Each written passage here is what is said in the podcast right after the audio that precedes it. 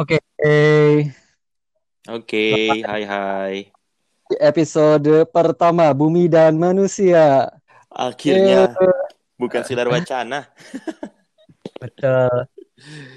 Jadi kita di episode perdana ini udah ada bertiga ya. Ada gua Pradip, Saya Rizky.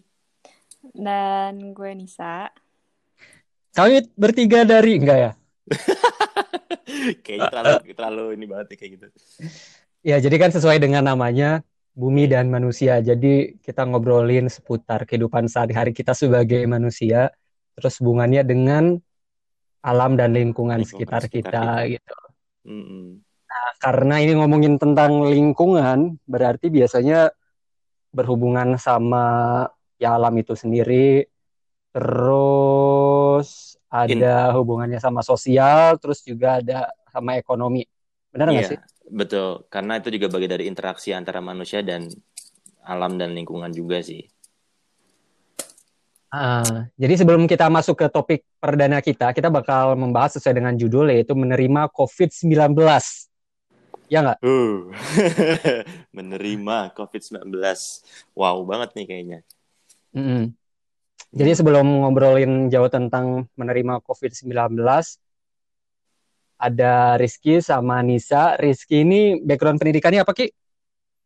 Eh, saya ini masih kandidat of PhD di Kyoto University. Sekarang saya stu- studi tentang environmental management. Eh, fokus penelitiannya di kelapa sawit. Wah, jadi juragan kelapa sawit ya? Atau aktivis kelapa sawit? Eh, lebih ke mencari solusi sih. Ya, permasalahan kelapa sawit selama ini. Oke, tapi backgroundnya eh, berarti ada hubungannya sama ekonomi juga atau gimana? Sedikit lah ada. Ya, kalau kita ngomongin manajemen ya juga ada. Karena saya backgroundnya ekonomi manajemen, jadi ya dikit-dikit lah. Nggak ahli-ahli banget. Nggak ahli-ahli banget, tapi ya sedang PhD ya. Merendah untuk meninggi kayaknya. Betul sekali. Kalau Nisa, Nisa gimana Nis backgroundnya? Ah, aku eh, lulusan teknik lingkungan S1-nya terus kemarin S2-nya manajemen lingkungan. Jadi basically lebih ke anak teknik sih. Oh, berarti anak teknik banget ya. Berarti cuma Nisa nih satu-satunya anak teknik, sementara kita anak sosial, Ki. iya nih. Kebalik nggak ya? tahu. Benar-benar empowered ya, sudah berdaya sekarang. Eh, Kalau Pradip gimana Pradip? Kalau gua kan emang S1-nya sosial yang ngambil HIS, S2-nya ngambil manajemen lingkungan juga. Jadi ya sebenarnya nggak terlalu gimana? Iya, satu alma mater ya kita. Iya satu alma mater ya. Oke. Iya. Nah, kita ngebahas tentang COVID-19 atau COVID-19.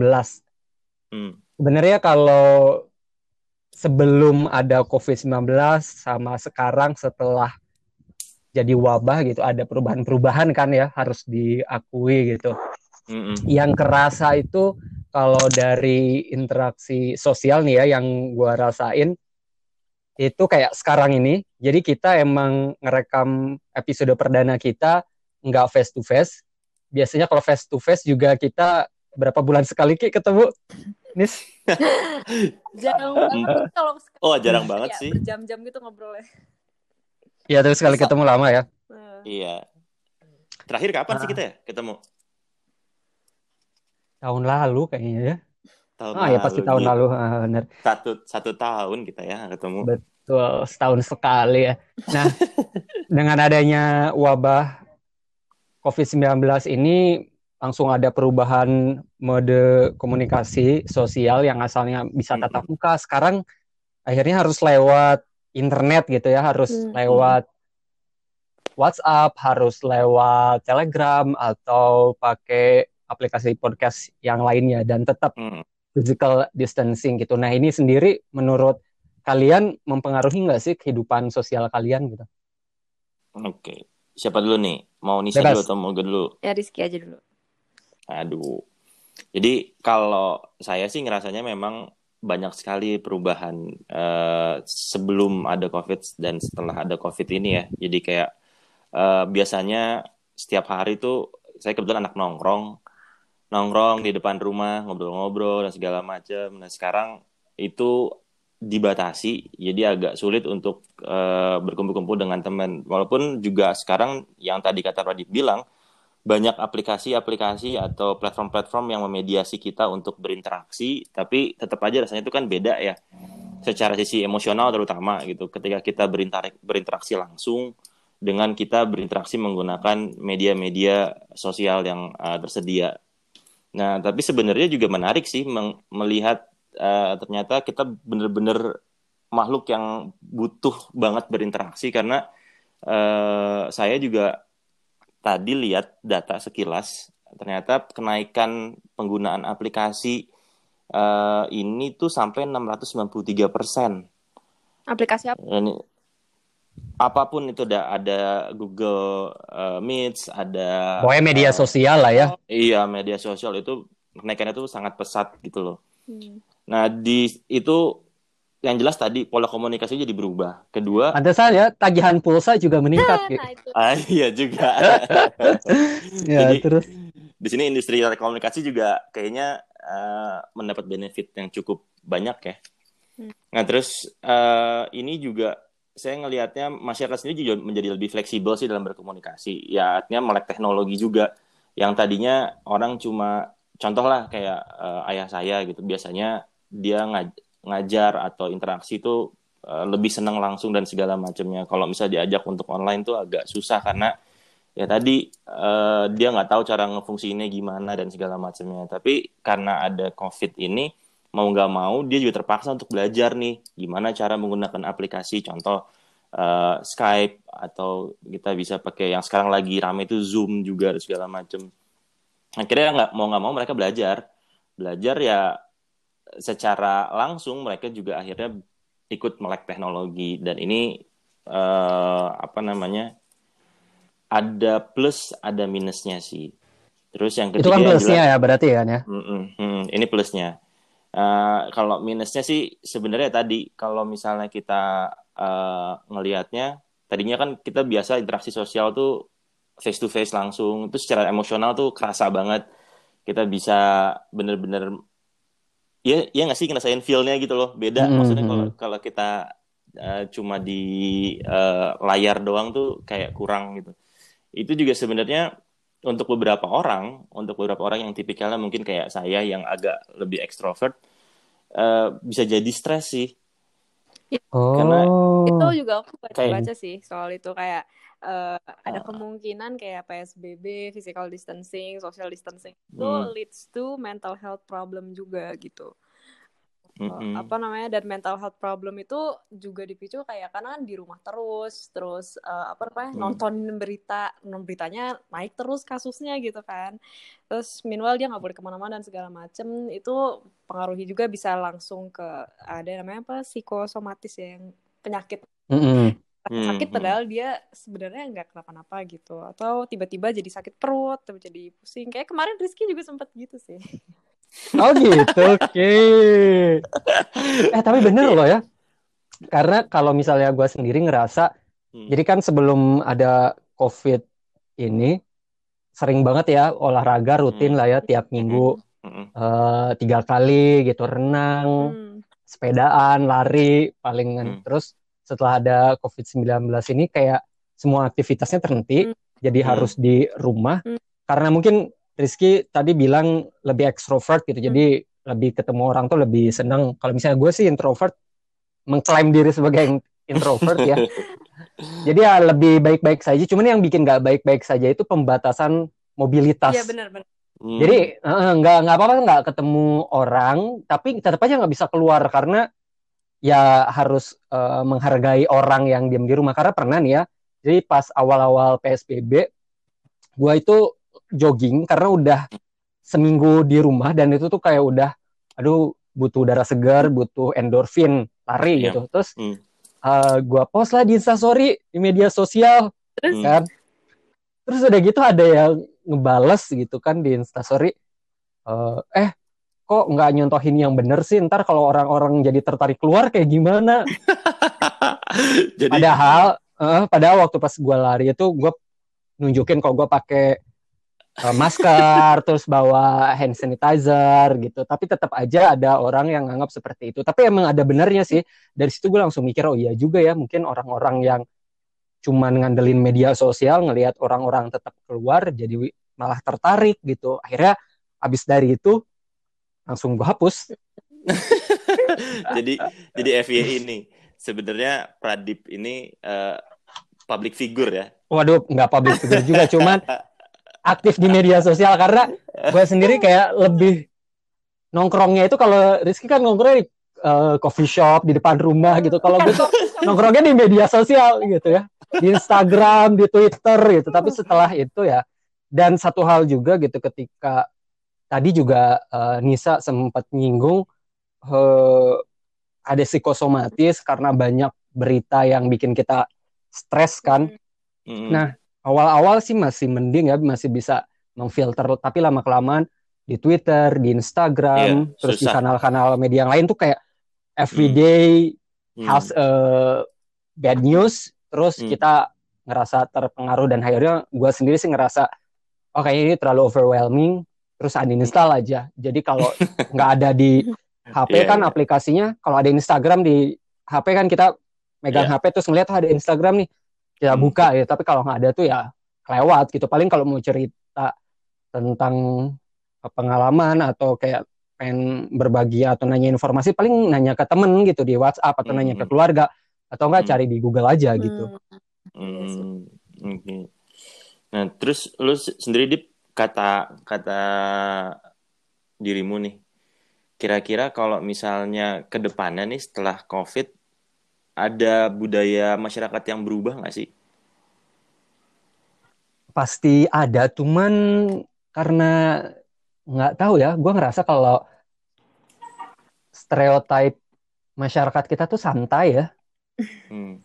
jadi meskipun psbb ya ya nggak sih banyak hmm. yang masih keluar gitu terlepas dari alasan ekonomi atau enggak itu terus hmm. awal-awal kan kita masih pakai uh, konsep herd immunity hmm. gitu hmm. untuk ngefilter mana yang bisa survive mana yang enggak meskipun itu hmm. terdengar agak-agak uh, naif gitu ya cuman setelah ini ya pasti ada pola interaksi sosial yang berubah karena kalau pengalaman gua hmm. ini kan podcast kita rumuskan waktu ada COVID kan? Iya, iya, iya gitu. Selama bertahun-tahun sebelumnya apa? Coba. Cuma wacana aja. Cuma wacana. Terus juga ada satu grup di kampus itu yang nggak pernah itu tuh kayak bertahun-tahun nggak pernah video call tapi kemarin itu kita sempat ngumpul di Zoom gitu banyak kan yeah, dan itu yeah. kayak mempengaruhi pola interaksi kita yang sebelumnya jarang ketemu tapi sekarang meskipun tetap jarang ketemu komunikasinya lebih intens itu terus jadi mikir juga kalau kayak gini berarti si covid ini emang mendekatkan yang jauh gitu ya hmm. jadi emang tadi kayak ada memaksa kita untuk melek teknologi gitu dari segi pendidikan jadi lebih praktis gitu hmm. kan nggak perlu datang yeah. ke kampus itu terus kehidupan sosial juga langsung berubah. Cuman persoalannya sih menurut gua ketika ini udah kelar ya, menurut gua hmm. bakal balik lagi ke situasi kita pada sebelum-sebelumnya gitu. Tapi mungkin fully yeah. juga sih. Kayak Gimana nih? Uh, kalau soal bekerja gitu ya, kan kalau setelah COVID ini mungkin akhirnya banyak perusahaan yang menyadar bahwa wah sebenarnya pekerjaan mereka tuh bisa dilakukan work from home gitu. Jadi kan kalau di negara-negara kayak Eropa gitu, mereka udah ada kebijakan uh, kayak dua hari di rumah, tiga hari di kantor, misalnya kayak gitu. Indonesia hmm. masih jarang banget kan. Terus uh, mungkin sekarang setelah COVID ini ada di dunia uh, ini apa pekerjaan dan kantor gitu akhirnya mereka sadar bahwa oh bisa nih gitu. Sebenarnya ya so called work life balance itu sebenarnya agak bisa diterapkan gitu. Kalau misal kalau kita udah pernah ngalamin work from home ketika terpaksa karena covid gitu. Hmm, bener ya? Iya sih tapi itu juga sebenarnya uh, tetap ada dua sisi sih kalau ngelihat kayak gitu karena uh, baik lagi tadi kan ya uh, di mana kalau selama covid ini kan orang menjadi lebih fleksibel hmm. ya karena tadi dia jadi melek teknologi jadi mau ketemu ya udah nggak usah nggak usah ketemu langsung kita bisa via uh, apalah WhatsApp atau via Skype atau via Zoom atau apa pun itu gitu. Nah, begitupun dengan kerjaan, ketika kita ngomongin tentang kerjaan, uh, batas waktu itu kan jadi makin gak hmm. jelas ya. Kadang-kadang nih kalau misalnya kita tadi work from home nih, uh, biasanya kalau normalnya kita kerja dari jam misalnya contoh jam 9 sampai jam 5 itu udah beres di situ aja. Tapi ketika itu berubah menjadi lebih fleksibel, jadi kerja itu bisa datang kapan aja. Curhatan. Dan itu yang nggak tapi itu jadi jadi akhirnya membuat kita juga jadi agak sulit untuk menata uh, waktu kita juga. Tadi kalau balancing antara si uh, kehidupan sosial itu juga jadi bias akhirnya gitu. Nah ini juga balik lagi ke ya tadi sebenarnya teknologi itu kan cuma tools uh, yang menggunakannya ini tergantung dari yang menggunakan ini kita sebagai manusia iya, gitu. Hmm. Supaya Tapi kalau ngelihat mode kerja kayak gitu yang work from home, kalau hmm. gue kan dulu juga pernah jadi uh, freelance gitu ya, Ki. Hmm. Emang hmm. itu tuh bukan sesuatu yang hmm. baru gitu. Hmm. Emang kan kalau orang-orang yang freelancer ya yang penting kerjaan beres, deadline itu kecapai gitu. Hmm. hmm, hmm. Jadi emang bukan sesuatu yang baru sebetulnya. Cuman hmm. yang baru itu ya buat orang-orang yang awalnya kerja kantoran, hmm. terus dipindah kan. Hmm, betul. Jadi work from home. Persoalannya yang muncul ada ketika mereka yang nggak punya privilege untuk tetap work hmm. from home. Misalkan hmm. kayak buruh gitu. Hmm. Kayak pekerja pabrik, mereka hmm. dirumahin gimana cara kerja WFH-nya coba kan? ya gak, sih? Gak mungkin ya, nggak mungkin. uh, jadi kan secara nggak langsung, secara sosial juga dia mempengaruhi secara ekonomi juga gitu, ya nggak? Iya betul, iya betul sih. Jadi memang uh, kalau kita ngomongin tentang kondisi ekonomi ya COVID ini juga sangat banyak mempengaruhi kondisi ekonomi kita. Jadi kalau misalnya tadi, jadi kalau kita ngomongin tentang perusahaan sebenarnya uh, ada beberapa, ada dua skema perusahaan ya untuk uh, apa namanya menanggapi COVID ini. Hmm. Ya intinya sih sebenarnya mereka sama-sama mengencangkan ikat pinggang lah karena dasarnya ya tadi penurunan dari berbagai macam aspek. Tapi yang jelas kalau uh, saya ngelihatnya sebenarnya yang pertama alternatif pertama nih untuk perusahaan biasanya dia akan memotong gaji sebagian atau uh, seluruh karyawan. Misalnya kalau sebagian tuh kayak apa? Kita ambil contoh kayak um, mungkin hanya jajaran-jajaran atasnya gaji yang dipotong, tapi untuk yang di bawahnya itu masih tetap uh, normal-normal aja gajinya. Tapi juga ada yang memotong keseluruhan uh, gaji dari uh, setiap uh, komponen di Oh, ada ya perusahaan yang baik kayak gitu. Kirain yang atas-atasnya tetap utuh, yang bawah-bawahnya dipotong, dipecatin gitu. Nah, itu itu itu opsi yang pertama itu ada, itu ada, itu ada. Oh, ada. Oke, oke. Okay, okay.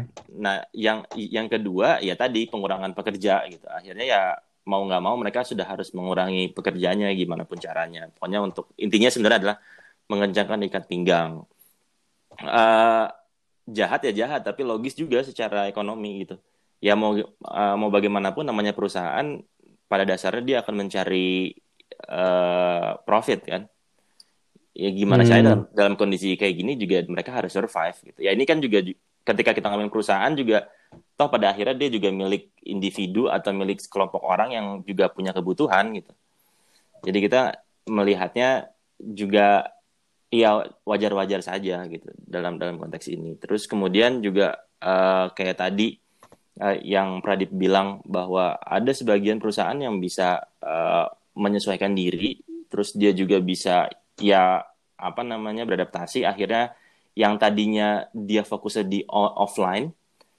uh, tapi kemudian dipaksa untuk menjadi online gitu. Ada ada yang bisa seperti itu, tapi ada yang nggak bisa yang tadi bilang. Mungkin beberapa industri nggak bisa uh, jadi online jadi akhirnya dia harus terpaksa untuk tetap uh, bekerja tapi dengan uh, apa ya namanya pengamanan yang baik untuk mencegah penularan COVID gitu kan ya. Tapi kalau misalnya kita lihat uh, beberapa perusahaan ini juga menarik sih. Sekarang akhir-akhir ini juga beberapa perusahaan atau uh, UKM mungkin ya mulai mencoba untuk uh, tadinya gini pola awalnya biasanya tuh offline store itu menjadi core bisnisnya Jadi semua pendapatan itu lebih besar di offline store-nya. Online store itu sebagai pendukung. Nah, tapi di COVID ini jadi kebalik. Jadi online store yang jadi core-nya, offline-nya itu mungkin ya hanya pendukung aja untuk mendistribusikan produk dan segala macamnya gitu. Tapi uh, akhirnya ya tadi perusahaan itu harus mencoba untuk mentransisikan diri gimana caranya supaya dia tetap bisa survive gitu untuk ke depannya gitu. Nah ini juga nanti ke depannya mungkin bisa menjadi suatu pola baru, pola bisnis baru ya. Artinya uh, bisnis-bisnis yang basisnya tadinya hanya uh, berpatokan pada offline aja, ini nanti akan akan coba untuk masuk ke online store-nya kayak gitu sih kalau misalnya dari sisi ekonominya yang saya pahami sedikit gitu. Hmm, berarti kalau pemerintah ngasih bantuan ekonomi misalnya, mm -mm. terus itu lebih efektif dikasih ke perusahaan karena kalau pakai perspektif tadi berarti perusahaan bisa meregulasi uang ya untuk bikin produksi lagi yang akhirnya ekonominya perlahan digenjot lagi, terus masyarakat juga yang udah di PHK karena banyak banget kan ya yang di PHK hmm. itu terus di hire lagi atau langsung dikasih ke masyarakat yang butuh bantuan. Kira-kira gimana? Lebih efektif yang mana? Uh, susah ya jauhnya lebih efektif yang mana karena juga saya nggak punya datanya kalau misalnya kita ngomongin efektivitas -hmm. dari satu program. Tapi ini dari perspektif saya saya secara hmm. pribadi ya. Kalau saya melihatnya memang dua-duanya butuh. Kita tetap butuh menstimulasi perusahaan untuk tetap bisa beroperasi, yang juga dia sebagai pendukung untuk individu-individu perusahaan untuk tetap mm -hmm. hidup. Tapi di satu sisi juga kita juga mesti menstimulus individunya. Jadi uh, jadi sebenarnya kita berusaha untuk menyimbangkan antara supply dan demandnya. Hmm. Nah, sekarang sekarang kalau kita tetap sup, disuplai terus nih si perusahaannya, tapi si, si masyarakat tidak disuplai misalnya, ya eh, tidak tidak di maksudnya tidak diberikan bantuan gitu, ya produknya siapa yang mau beli? Daya belinya berarti turun daya gitu ya? Turun, iya kan, daya hmm. beli turun. Nah stimulus uh, stimulus ke masyarakat itu kan niatnya adalah menaikkan daya beli masyarakat, hmm. ya kan? Hmm. Jadi kalau misalnya tadi si perusahaan sudah digenjot untuk ngasih uh, produk-produknya, tapi kemudian masyarakatnya nggak bisa beli ya percuma gitu. Tapi kalau misalnya juga masyarakatnya yang digenjot terus, daya belinya ada tapi produknya nggak ada ya akhirnya juga jadi percuma juga barang jadi bisa pada mahal gitu. Inflasi hmm. akhirnya gitu. Jadi bahaya juga. Jadi uh, stimulus di dua pihak itu perlu kalau kata saya. Hmm. Terus gitu. uh, gini, yang menarik adalah ketika hubungan sosial dan ekonomi ini di tengah COVID-19, mm -hmm. kalau gue pernah baca di Jepang itu katanya dulu sebelum COVID-19 itu mereka jarang ada take away atau kayak delivery gitu tuh jarang banget. Jadi mereka iya, emang yeah. uh, keluar ke restoran yang emang makan di situ. Iya yeah, iya. Yeah. Adik ya kalaupun ada itu kayak uh, fast food lah kayak franchise franchise uh, yang hmm. udah lama gitu baru ada take away kayak gitu. Hmm. Terus kan hmm. kalian berdua pernah tinggal di Jepang kan ya, itu hmm. ngaruh nggak sih sebenarnya? Bisa coba mungkin bisa jelasin. Um, kalau di Jepang sih mungkin tadi kan sempat disinggung juga soal ini ya uh, apa makanan. Mm -hmm. Nah eh, makanan tuh kalau di Jepang emang jarang banget. Jadi eh, nggak uh, semua restoran itu menyediakan wadah untuk take away. Jadi uh, oh kita kan kayak bu bungkus gitu kayak hampir semua hmm, kan ya adalah gitu apa plastik inilah bening atau styrofoam lah atau apa pun gitu. Tapi kalau di Jepang tuh nggak bisa nggak nggak semua restoran tuh punya uh, maksudnya mereka siap wadah untuk bungkus gitu. Jadi pasti kalau ada yang siap tuh ada take out gitu tulisannya. Jadi kayaknya sih di masa covid ini mereka shifting banget sih pasti uh, si ekonominya tuh dalam hal makanan ini. Meskipun udah sempat ada Uber Eats uh, waktu aku masih di sana gitu udah udah mulai masuk tuh Uber Eats tapi belum sehips uh, kayak di GoFood gitu. Soalnya dia kayak uh, radiusnya kalau di Kyoto tuh cuma kayak berapa kilo ya? Tiga kilo gitu karena nggak pakai sepeda nganterinnya Terus, oh wow lumayan ya. Nah, trauma lingkungan sekali ya. Iya.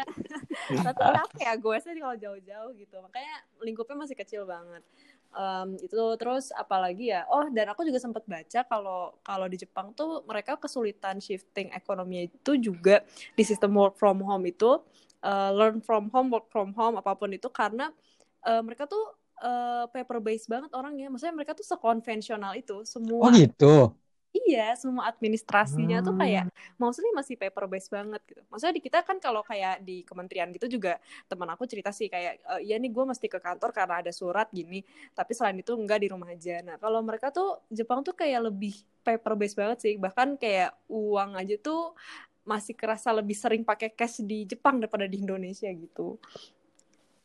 Oh, nah karena ini kan judulnya menerima COVID-19. Tadi hmm. secara sosial kita udah coba singgung, terus ekonomi. Nah, secara lingkungan tadi sempat bahas mengenai hmm. paper base, terus udah gitu wadah-wadah untuk take away atau take out. Menurut hmm. Nisa sendiri dengan backgroundnya teknik lingkungan, hmm. sebenarnya nih banyak nih ya. Uh, gue juga pernah di Instastory nanyain ke teman-teman, hmm. gimana sih dampak lingkungan setelah ada COVID-19. Terus ada yang menarik nih. Yang hmm. menarik adalah yang bilang e, kayaknya kita tuh harus merayakan bumi ini pulih dengan orang-orang tinggal di rumah karena polusi berkurang drastis, terus produksi limbah itu juga berkurang, terus ya daya dukung lingkungan itu jadi perlahan meningkat kembali. Nah, hmm. menurut Nisa kayak gimana? Bener nggak sih? Sebenarnya sih uh, in some way iya benar, uh, tapi nggak bisa dipukul rata juga sih. Maksudnya uh, kalau misalnya tadi kan kalau soal emisi berkurang itu kan mungkin ke climate change gitu ya. Jadi emang benar kayak di Cina tuh emisinya menurun 25% itu di awal tahun ini aja. Terus uh, jadi kan kalau Cina tuh mungkin uh, kita sempat tahu juga kalau dia tuh air pollutionnya parah banget kan. Nah, mm -hmm katanya kayak uh, di hari-hari di mana emisinya tuh turun 25% itu tuh uh, days with good air itu kan sempat kenal kan yang apps-apps yang kasih lihat good, good yeah. mm-hmm, yeah. jelek gitu nah days with good air itu naik 11,4% dibanding hari yang sama di tahun yang lalu jadi uh, kalau dari segi air pollution dan emisi sih benar ya gitu karena memang uh, selain uh, karena kita di rumah jadi nggak ada mobilisasi di mana transportasi itu kan juga berperan banyak ya kayak emisi gas rumah kaca. Terus juga banyak juga pabrik-pabrik yang mungkin stop atau mall-mall yang tutup itu. Itu juga sangat pengaruh sih ke emisi gas rumah kaca gitu. Itu kalau dari gas rumah kaca. Cuma ya uh, apa ya uh, ada juga sih yang agak blunder gitu. Kayak waktu kemarin tuh kan kita sempat lihat juga berita yang bilang um, lubang ozon terbesar menutup gitu karena COVID. Oh iya, ah, benar. nah itu. itu ada hubungannya nggak sih sama wabah COVID-19 ini terus polusi berkurang ada hubungannya nggak ya? Nah sebenarnya sih tadi aku juga baca kalau itu tuh sebenarnya uh, lubangnya tuh munculnya di awal bulan Maret, maksudnya se sebesar itu ya tuh di awal bulan Maret. Hmm. Nah, uh, tapi dia tuh menutup lebih karena um, apa ya fenomena alam gitu. Oh. Uh, least likely karena COVID-19 gitu. Jadi masih diteliti. Cuma kalau kata pihak-pihak yang emang mengamati lubang itu gitu kayak si apa uh, semacam ada lembaga-lembaganya lah ya mungkin yang ngerti hmm. gitu. Nah itu tuh bilang bahwa um, ya ini sih emang karena fenomena alam dia bilang tuh tadinya tuh ada kayak semacam pusaran di kutub. Karena lubangnya ini kan di Arktik ya di kutub utara. Hmm. dia tuh ada kayak ada pusaran di kutub yang mencegah gas ozon tuh memasuki atmosfer. Jadi makanya dia ada bolong gitu. Nah terus sekarang udah mulai mengendur gitu sih pusaran kutubnya katanya sih gitu. Jadi uh, makanya kenapa sih lubang ozonnya tuh uh, menutup lagi gitu sih. Jadi uh, nggak nggak semua hal yang tentang lingkungan itu juga dikaitkan sama COVID-19. Meskipun emang benar kalau emisi karbon alami itu penurunan terbesarnya itu sekarang sejak uh, perang dunia dua tuh sekarang tuh paling gede gitu. Pen emisinya paling turunnya paling gede sekarang gitu. Hmm. Hmm, jadi sebenarnya kita tuh sebenarnya ngasih waktu istirahat ke bumi untuk pulih atau sebenarnya kita juga menderita karena dalam artian polusi udah berkurang udara misalkan lebih relatif segar tapi kitanya nggak hmm. bisa keluar Iya. Nggak bisa menghirup udara itu gimana ya itu juga sih maksudnya uh, tadi kan udah ngomongin ke manusia mm. dan ekonominya juga ya kan jelas bahwa dari sisi manusianya meskipun ada masih ada plusnya tapi juga ada negatifnya kayak kita jadi ada uh, concern ke mental health kalau ekonominya mm. jelas banyak banget yang turun kan uh, kayak aku baca report gitu tentang performance startup dari berbagai uh, bidang gitu ya yang thrive itu cuma uh, health doang kalau yang di sektor mm. ya yang lainnya tuh bahkan kayak media sosial telekomuting itu tuh pada turun tapi uh, masih pada batas yang normal dibanding kayak retail, manufaktur, transportasi. Mm. Jadi yeah. uh, kal mungkin ke depannya masih bisa naik gitu tapi kalau uh, sebenarnya yang yang beneran naik itu cuma sektor kesehatan gitu sih. Nah, um, balik lagi yang ke lingkungan tadi, sebenarnya ada poin negatifnya juga sih. Kayak uh, walaupun tadi climate change emisinya turun tapi uh, di sektor persampahan itu tuh uh, nggak bisa dibilang turun juga sih. Kayak aku baca katanya tuh di Jakarta emang turun sekitar 600 ton per hari gede ya. Nah 600 mm -hmm. ton per hari itu tapi harus dicatat bahwa Jakarta itu uh, banyak kota satelitnya dan dia adalah pusat ekonomi kan jadi uh, kenapa turunnya gede banget? Itu karena uh, memang gak ada yang ke kantor gitu. Uh, contohnya kantor aku kan kantor yang salah satu ngangkutin sampah kantor-kantor Jakarta nih. Uh, nah hmm. itu sampai beberapa perusahaan yang kita angkut sampai minta ya udah jangan gak usah diangkut dulu. Emang karena nggak ada orang gitu di kantor. Jadi nggak heran kalau sampai hmm. Jakarta tuh emang turun sesignifikan itu karena emang mostly isinya perkantoran. Tapi kita nggak tahu kan orang-orang yang tadinya di kantor terus sekarang di rumah kayak uh, Jakarta kan disupport sama Bodetabek yeah. ya gitu. Nah itu yeah. apakah sampah-sampah Bodetabeknya turun juga atau malah naik karena orang-orang yang Iya karena diem di rumah yeah. jadi seolah-olah cuma mindahin lokasi yeah. sampahnya aja gitu. Iya iya. Karena manusianya tetap sama gitu. Betul betul. Uh. Dengar-dengar juga katanya ada peningkatan sampah rumah tangga ya. Mm -mm nah uh, katanya hmm. PBB sih yang di Bandung itu kan ada kawasan bebas sampah ya itu kan hmm. uh, dia udah milah sampah organik sama yang lainnya nah katanya sih sampah organiknya itu naik cukup signifikan mungkin karena masak terus ya di rumah terus hmm. uh, sama ini juga sih kita kan belanja online terus ya ini kebetulan hmm. uh, ada organisasi namanya Diverse Clean Action dia lagi riset bareng LIPI uh, mereka lagi kemarin habis sebar kuesioner baru beres kemarin tuh uh, tentang uh, peningkatan sampah plastik karena uh, konsumsi belanja online selama ini quarantine days ini. Itu berarti yang setiap hari ada paket, paket. Iya, langsung pada keluar gitu ya. Karena itu satu-satunya good news. itu gitu. Saat wabah COVID. Ya benar juga ya, ya karena kalau kalau ngelihat paket-paket itu dibuntel-buntel pakai eh, iya. wrap, plastik iya. wrap, pakai styrofoam atau pakai hmm. kardus gitu ya. Hmm. Hmm. Dan uh, uh, ini sih kan berapa layer tuh kantong plastik. Terus misalnya ada kardusnya, dalam kardusnya ada bubble wrap, dalam bubble wrap ada kemasan ini lagi apa plastik kecilnya. Ada plastik lagi. Kardus hmm. kecilnya banyak kan hmm. multi layernya. Nah terus uh, selain sampah itu juga sebenarnya ada concern juga ke apa ya selama COVID-19 ini kan orang orang-orang ngerasa kayak ya udah uh, habis pakai buang habis pakai buang gitu karena mm-hmm. uh, takut kena ada virus gitu di nempel di situ gitu uh, terus jadi salah satu material yang sering dipakai itu jadinya adalah plastik kan karena plastik tuh banyak banget yang sekali pakainya gitu kayak ya plastik hmm. inilah plastik itu sarung tangan plastik lah gitu nah itu tuh sebenarnya agak blunder juga karena ada penelitian tuh dari New England Journal hmm. dia tuh bilang bahwa justru di plastik lah virus COVID-19 ini paling lama bertahannya Wow. Hmm. Ya untuk mengatakan bahwa ya udah pakai plastik aja biar ini ya emang sih dibuang tapi kan uh, gimana ya tidak bukan jadi pembenaran untuk uh, jadi throwing away society gitu sih menurut aku gitu atau kalian hmm. gimana? Bener sih karena lingkungan ini juga berkaitan erat ya sama COVID-19 ini.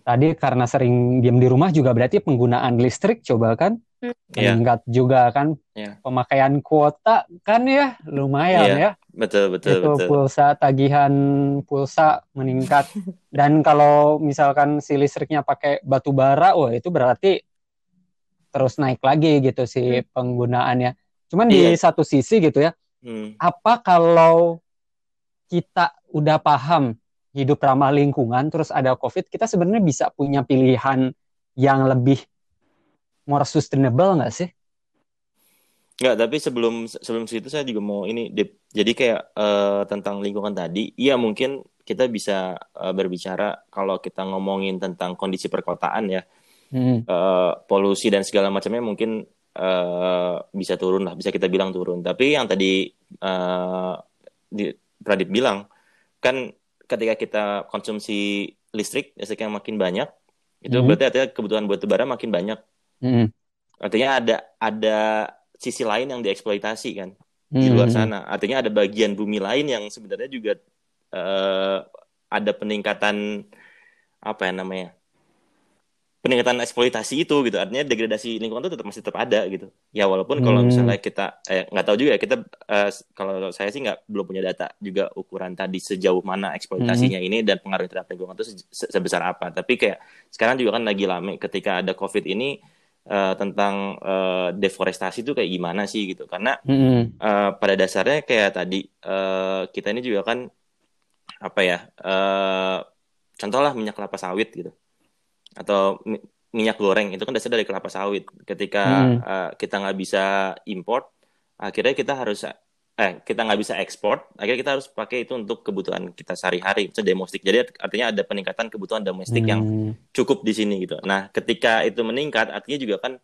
uh, kemungkinan besar ada peningkatan juga di sektor di uh, sumbernya ini gitu nah ini uh, ya tadi kalau kita bilang lingkungan itu baik ya mungkin di perkotaan tapi apakah di sisi lain uh, berlaku hal yang sama atau tidak gitu kan itu kita belum kalau saya sih belum tahu tapi kemungkinan pasti juga ada peningkatan gitu. Karena pada dasarnya permintaannya makin makin besar gitu untuk domestik. Hmm, gitu. Ya menarik ya. Hmm, karena kalau di perkotaan kan lebih kompleks ya. Kita iya. pakai yeah. listrik konsumsi listriknya besar iya, konsumsi yeah, uh, sampahnya juga tinggi. Cuman kalau kita tarik ke daerah pedesaan misalkan kayak uh, saya punya uh, eh, gue punya keluarga nih Ki, di mm -hmm. uh, daerah Ciamis, daerah Banjar gitu. Terus mm -hmm. ketika sekarang ada PSBB mereka santai-santai yeah. aja karena ya itu mm. karena mereka nggak terpengaruh secara signifikan iya, dengan iya, betul. listrik. Mereka nggak kerjanya WFH listrik karena betul. mereka uh, berkebun, ladang, betul. terus mereka betul. bertani. Jadi ya mereka betul. kehidupannya berjalan lancar. Tapi yang nggak lancar adalah ketika harga-harga kebutuhan pokok itu dipengaruhi sama kebutuhan di masyarakat perkotaan. Betul, betul. Itu, itu mempengaruhi production chain-nya mereka gitu, rantai hmm. rantai produksinya gitu. Tapi secara iya, betul. secara carbon footprint sih gue yakin kalau masyarakat di uh, pinggiran kecil, ya? gitu ya atau pedesaan gitu. Belum lagi mereka punya karifan lokal gitu ya yang emang hmm. tetap ya udah gitu karena mereka membatasi penggunaan listrik, media sosial gitu, ya tetap uh, berkurang gitu. Beda dengan masyarakat perkotaan ketika kita diam di rumah, justru konsumsi listrik kita meningkat karena kita pakai uh, media sosial, yang artinya kita ngecas HP, ngecas hmm. laptopnya berkali-kali lipat kan, nonton TV, betul. Netflix segala macem betul. gitu. Betul, betul. Nah, tapi ini juga yang kata tadi Pradip bilang fenomena ini juga menarik. Sebenarnya saya baru agak baca-baca dikit sih. Sebenarnya ada yang disebut dengan ELCC, Indirect Land Use Change.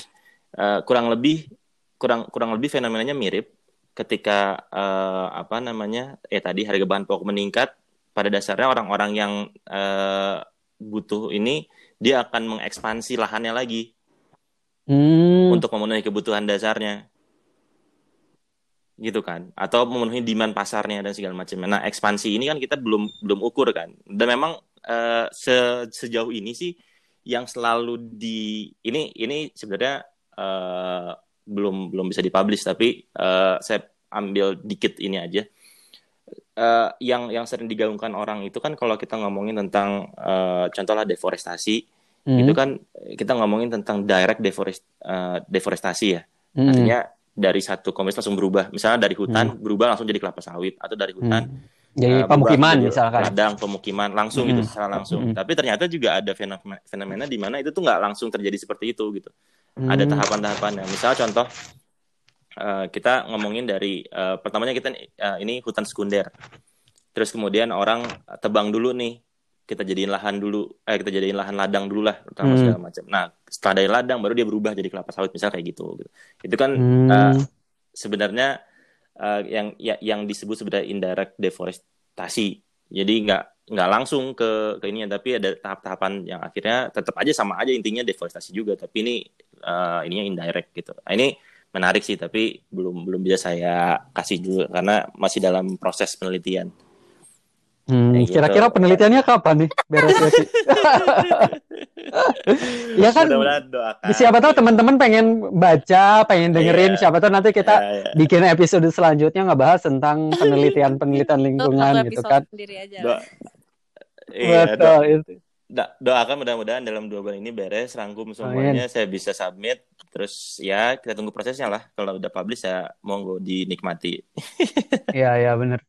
Ya, ya lingkungan ini menarik banget ya karena uh, gini, ketika orang-orang diem di rumah, terus mereka terpengaruhi sama wabah COVID-19, apakah mereka jadi sadar sama hidup berkelanjutan nggak? Iya. Menurut kalian, apakah itu jadi sentilan? Karena di satu sisi, contoh nih ya, kayak di Amerika, di uh, New York, banyak hmm. orang yang justru mereka protes ketika pemerintahnya melindungi mereka supaya diam di rumah, tapi mereka protes, mereka pengen keluar karena kebebasan untuk keluar itu masih milik mereka itu. Karena kalau mereka diam di rumah itu membatasi banyak hal, sama halnya dengan kayak orang-orang yang ekonominya rentan pada saat wabah seperti ini. Nah, ketika orang-orang diam di rumah kayak gini, pertanyaan besarnya adalah apakah kita bisa merefleksi gitu, oh ternyata di rumah tuh harusnya kita coba ngobrol sama orang rumah gitu. Bukan misalkan fokus sama media sosial atau nyari distraksi. Menurut kalian gimana? Hmm. gimana tuh nih um, ya sih kalau uh, di rumah sih kayak jadi lebih ngide sih ya. Kalau um, ngobrol sama orang rumah ya tapi selain itu juga muncul berbagai ide baru yang mungkin tidak pernah terpikirkan sebelumnya gitu kan. Kayaknya nggak pernah termasuk ide-ide ini ya beli online uh, products gitu kan. Itu ya hiburannya apa? Iya. Benar itu gimana oh, terus? jadi sustainable atau enggak? Enggak juga sih menurut aku. Soalnya kayak ya, itu masih belanja juga kan masih konsumtif juga gitu. Terus mm -hmm. ya tergantung pribadi masing-masing sih. Kayak di rumah bosan betul Karena betul itu idenya yeah. apa gitu kayak misalnya uh, adiknya Rizky tiba-tiba uh, jadi beli alat buat ngelukis bukan ngelukis sih warnai gitu kayak cat air gitu padahal dia nggak pernah sebelumnya gitu kayak Oh sebelumnya nggak pernah, oke. Okay. Eh, sebelumnya nggak pernah. Iya, gitu lah banyak BM BM baru yang muncul. Gitu. Iya. Nah tapi uh, tadi juga benar kata kata Anissa sebenarnya balik lagi tergantung ke pribadinya masing-masing berhubung juga jadi sebenarnya kalau kita ngomongin apa kita makin sustain dengan adanya uh, covid ini jadi pembelajaran buat kita hmm. atau enggak balik lagi tadi ke pemahaman kita ya mungkin secara nggak sadar ada yang bisa menjadi uh, lebih uh, sustain ya pola hidup dan segala macamnya tapi secara yang sadarnya itu dikit gitu jadi hmm. uh, misalnya kalau kalau sadar itu maksudnya gini ketika misalnya saya uh, ngelihat wah ini uh, apa namanya uh, kan kayak covid itu katanya dari dari hewan kan katanya hmm. dengar-dengar karena memang ada masalah dengan uh, apa nih karena keragaman hayati nih nah terus uh, kayak itu dipengaruhi sama misalnya uh, produk-produk yang bahan bakunya lebih ke monokultur dan segala macamnya jadi saya mengurangi lah produk-produk yang sumbernya dari sana gitu segala macam hmm. nah kayak gitu tuh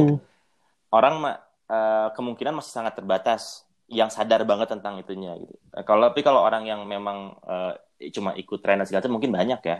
Kayak misalnya hmm. dia juga nggak nggak benar-benar paham apakah dia sustainable itu banyak juga yang kayak gitu. Lebih banyak seperti itu ya dibanding kalau menurut menurut saya sih benar sebenarnya kalau dengan keputusan yang kayak sekarang ini lebih banyak seperti itu dibanding yang emang benar-benar sadar dalam tanda kutip ya kalau dia berubah dari uh, ini gitu sih ya tadi balik lagi ke pribadi masing-masing tapi kalau untuk Indonesia sih saya pikir masih sangat sedikit yang emang bersadar gitu. hmm. atau kalau tadi gimana Dip? menarik justru yang jadi pertanyaan itu ya kayak hmm. kalau menjaga optimisme ketika di masa seperti ini terus wabahnya kelar hmm. kapan ya kelar ada yang bilang September ada yang bilang Oktober uh, terus uh, pernah baca juga artikelnya si Harari itu yang hmm, bilang yeah. the new normal itu ya yeah, new normal dari hmm. situ kan jadi sebuah introspeksi gitu ketika hmm. wabah ini kelar ini kaitannya sama lingkungan apa kita tetap bakal eksploitatif terhadap lingkungan apa kita masih tetap bakal pakai kendaraan pribadi secara masif gitu dibandingin kendaraan transport atau hmm. si masyarakat dan pemerintahnya mulai sadar. Kalian optimis nggak? Coba. Gimana nih? Optimis nggak? ya kan Nisa penelitian tentang sampah, tentang hal yang berhubungan dengan konsumsi rumah tangga itu kan tinggi. Nah setelah ini, atau justru kita tuh makin parah karena kita udah nah, ditahan nih selama berbulan-bulan, terus jadi wah impulsif kita itu sih demi meningkatkan ekonomi roda-roda ekonomi ya. Kekhawatiran aku justru ya, ketika udah nggak PSBB pas udah dilepas kalau nggak salah pernah ada juga deh fotonya di Cina kayak tiba-tiba di tembok Cina tuh penuh banget gara-gara waktu Wuhan udah nggak ini lagi lockdown lagi kalau nggak salah. Dan beberapa kota yeah. Cina mm -hmm. udah nggak lockdown lagi tiba-tiba destinasi wisata itu penuh banget gitu. Padahal itu baru kayak berapa bulan lalu dia hmm. free gitu kayak bebas dari iya, penjara ya itu kan mengkhawatirkan gitu dan dan iya nggak tahu sih kalau pola konsumsi kan sebenarnya uh, ditahan asalnya di rumah nggak di rumah tetap konsumtif gitu ya mm-hmm. menurut aku um, ke depannya aku juga sempat baca artikel dia bilang bahwa memang perubahan itu paling uh, berhasil biasanya ketika ada intervensi gitu.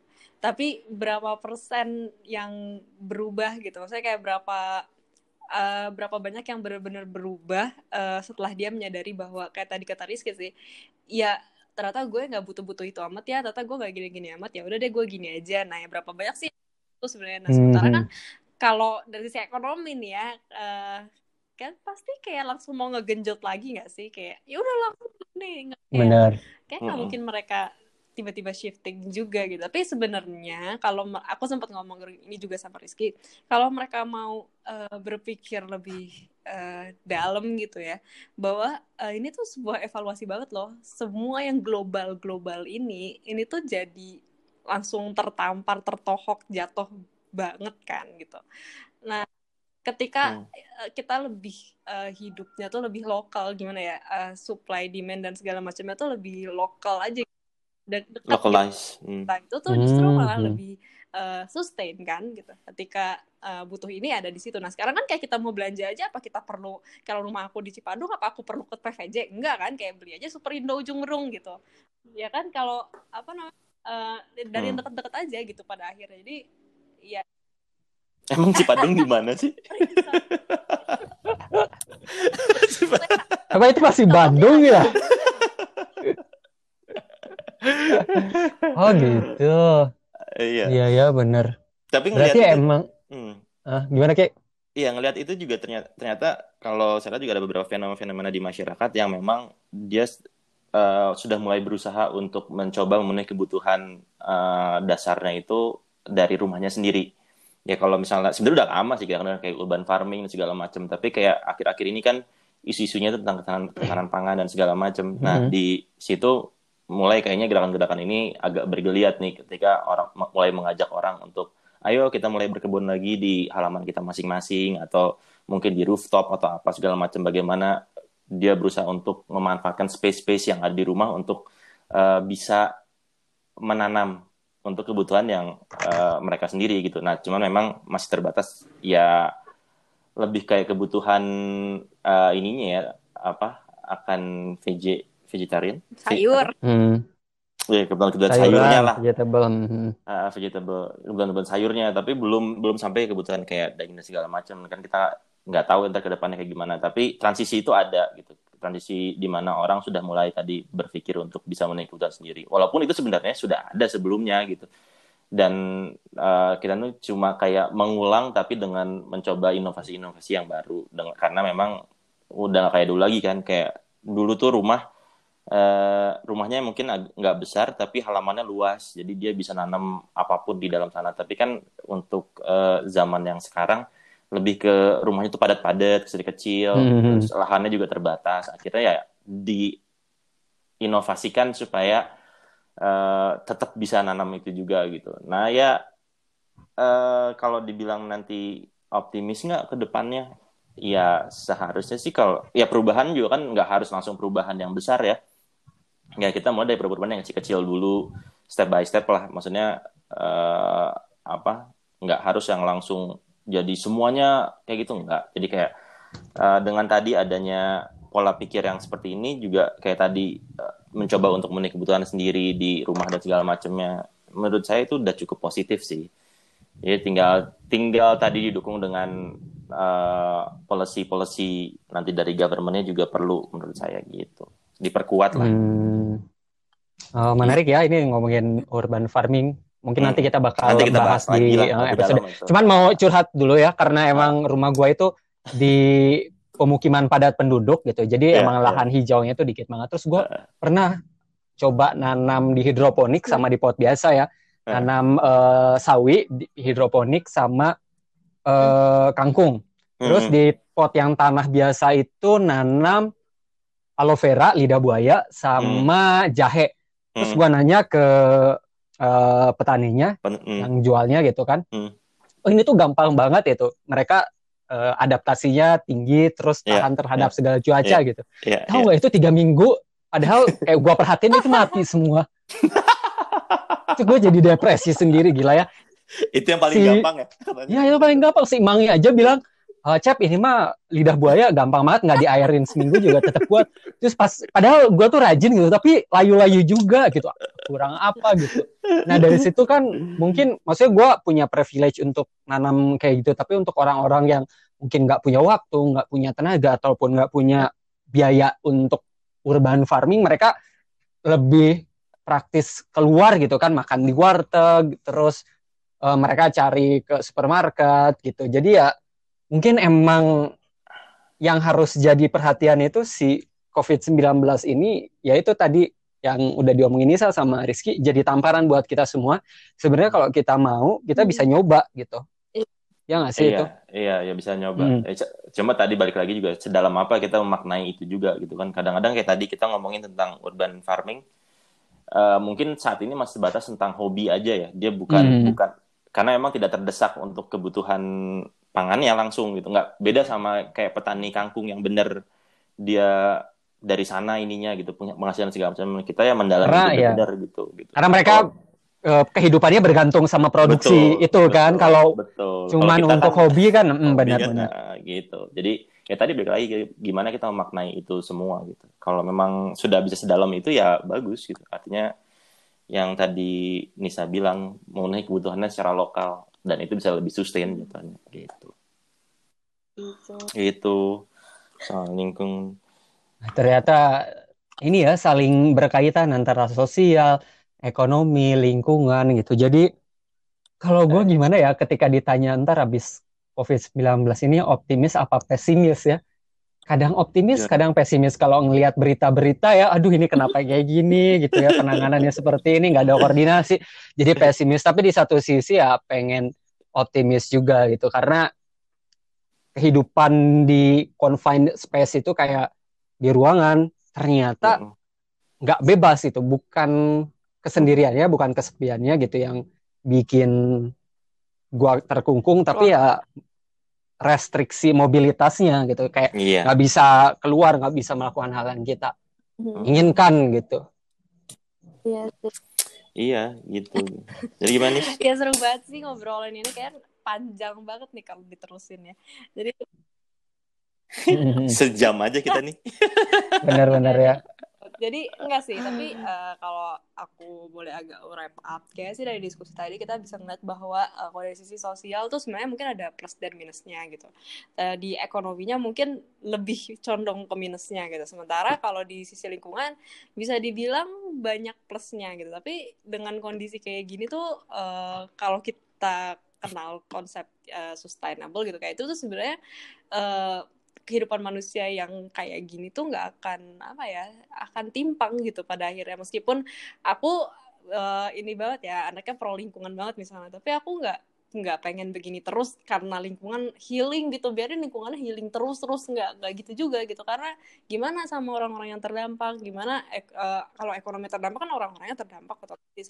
Jadi ya uh, harapannya sih uh, nanti ke depan itu after covid itu uh, ada lesson learn-nya lah ya gitu. Terus um, ya lebih balance sih harusnya gitu. Gimana caranya supaya uh, ekonomi itu uh, bukan cuma mengejar uh, development development profit profit profit tapi juga balancing juga dengan kondisi lingkungan dan si uh, sosialnya. Sehingga ya uh, we achieve that sustainability yang sudah Amin, amin. Itu sengaja dengan ada seperti ini tadi yang udah disebut sama Nisa, kita lebih aware lah ya dengan yeah. profit, people, and planet. Jadi harus harmonis, nggak boleh yang terlalu pro ke lingkungan banget gitu ya radikal banget ntar jadinya kayak ekofasis ya udah orang-orang apa apa menderita yang penting bumi pulih kembali gitu ataupun Sedih yang juga ya. uh, yang kapitalis banget ya udah yang penting ekonomi Ayah. Iya. digenjot eksploitasi lingkungan segala macam ataupun Ayah. yang secara sosial gitu hmm. yang sangat uh, radikal ya yang penting gimana kita seimbang lah semua uh, uh, menuju titik equilibriumnya. Oke, sebelum ditutup nih, Rizky ada hmm. yang mau diomongin lagi nggak penutup? Iya, jangan lupa untuk dengerin kita terus. Asik. Karena mungkin banyak topik-topik yang nanti kita akan bahas bareng sama teman-teman yang lain. Uh, jadi uh, stay tune terus di Bumi dan Manusia. Oke, dari Nisa, Nisa ada yang mau di uh, sampaikan lagi nggak? Uh, ya stay healthy dan stay sane di rumah, tetap di rumah aja, udah itu. Oke, jadi ini episode pertama kita Yeay. telah selesai. Yeay, tangan ya. Ya, semoga wabah COVID-19 ini cepat beres dan kita juga bisa menerima COVID-19 ini menjadi bagian dari hidup kita, tetapi bukan berarti kita menjadi ignorant atau nggak ya. peduli terhadap sekeliling kita. Tetap ya. pakai masker, terus sedia hand sanitizer, pakai sarung tangan, terus juga tetap PSBB sesuai dengan anjuran pemerintah. Semoga cepat kelar dan sampai ketemu lagi di episode dadah. Bumi dan Manusia selanjutnya. Dadah. dadah.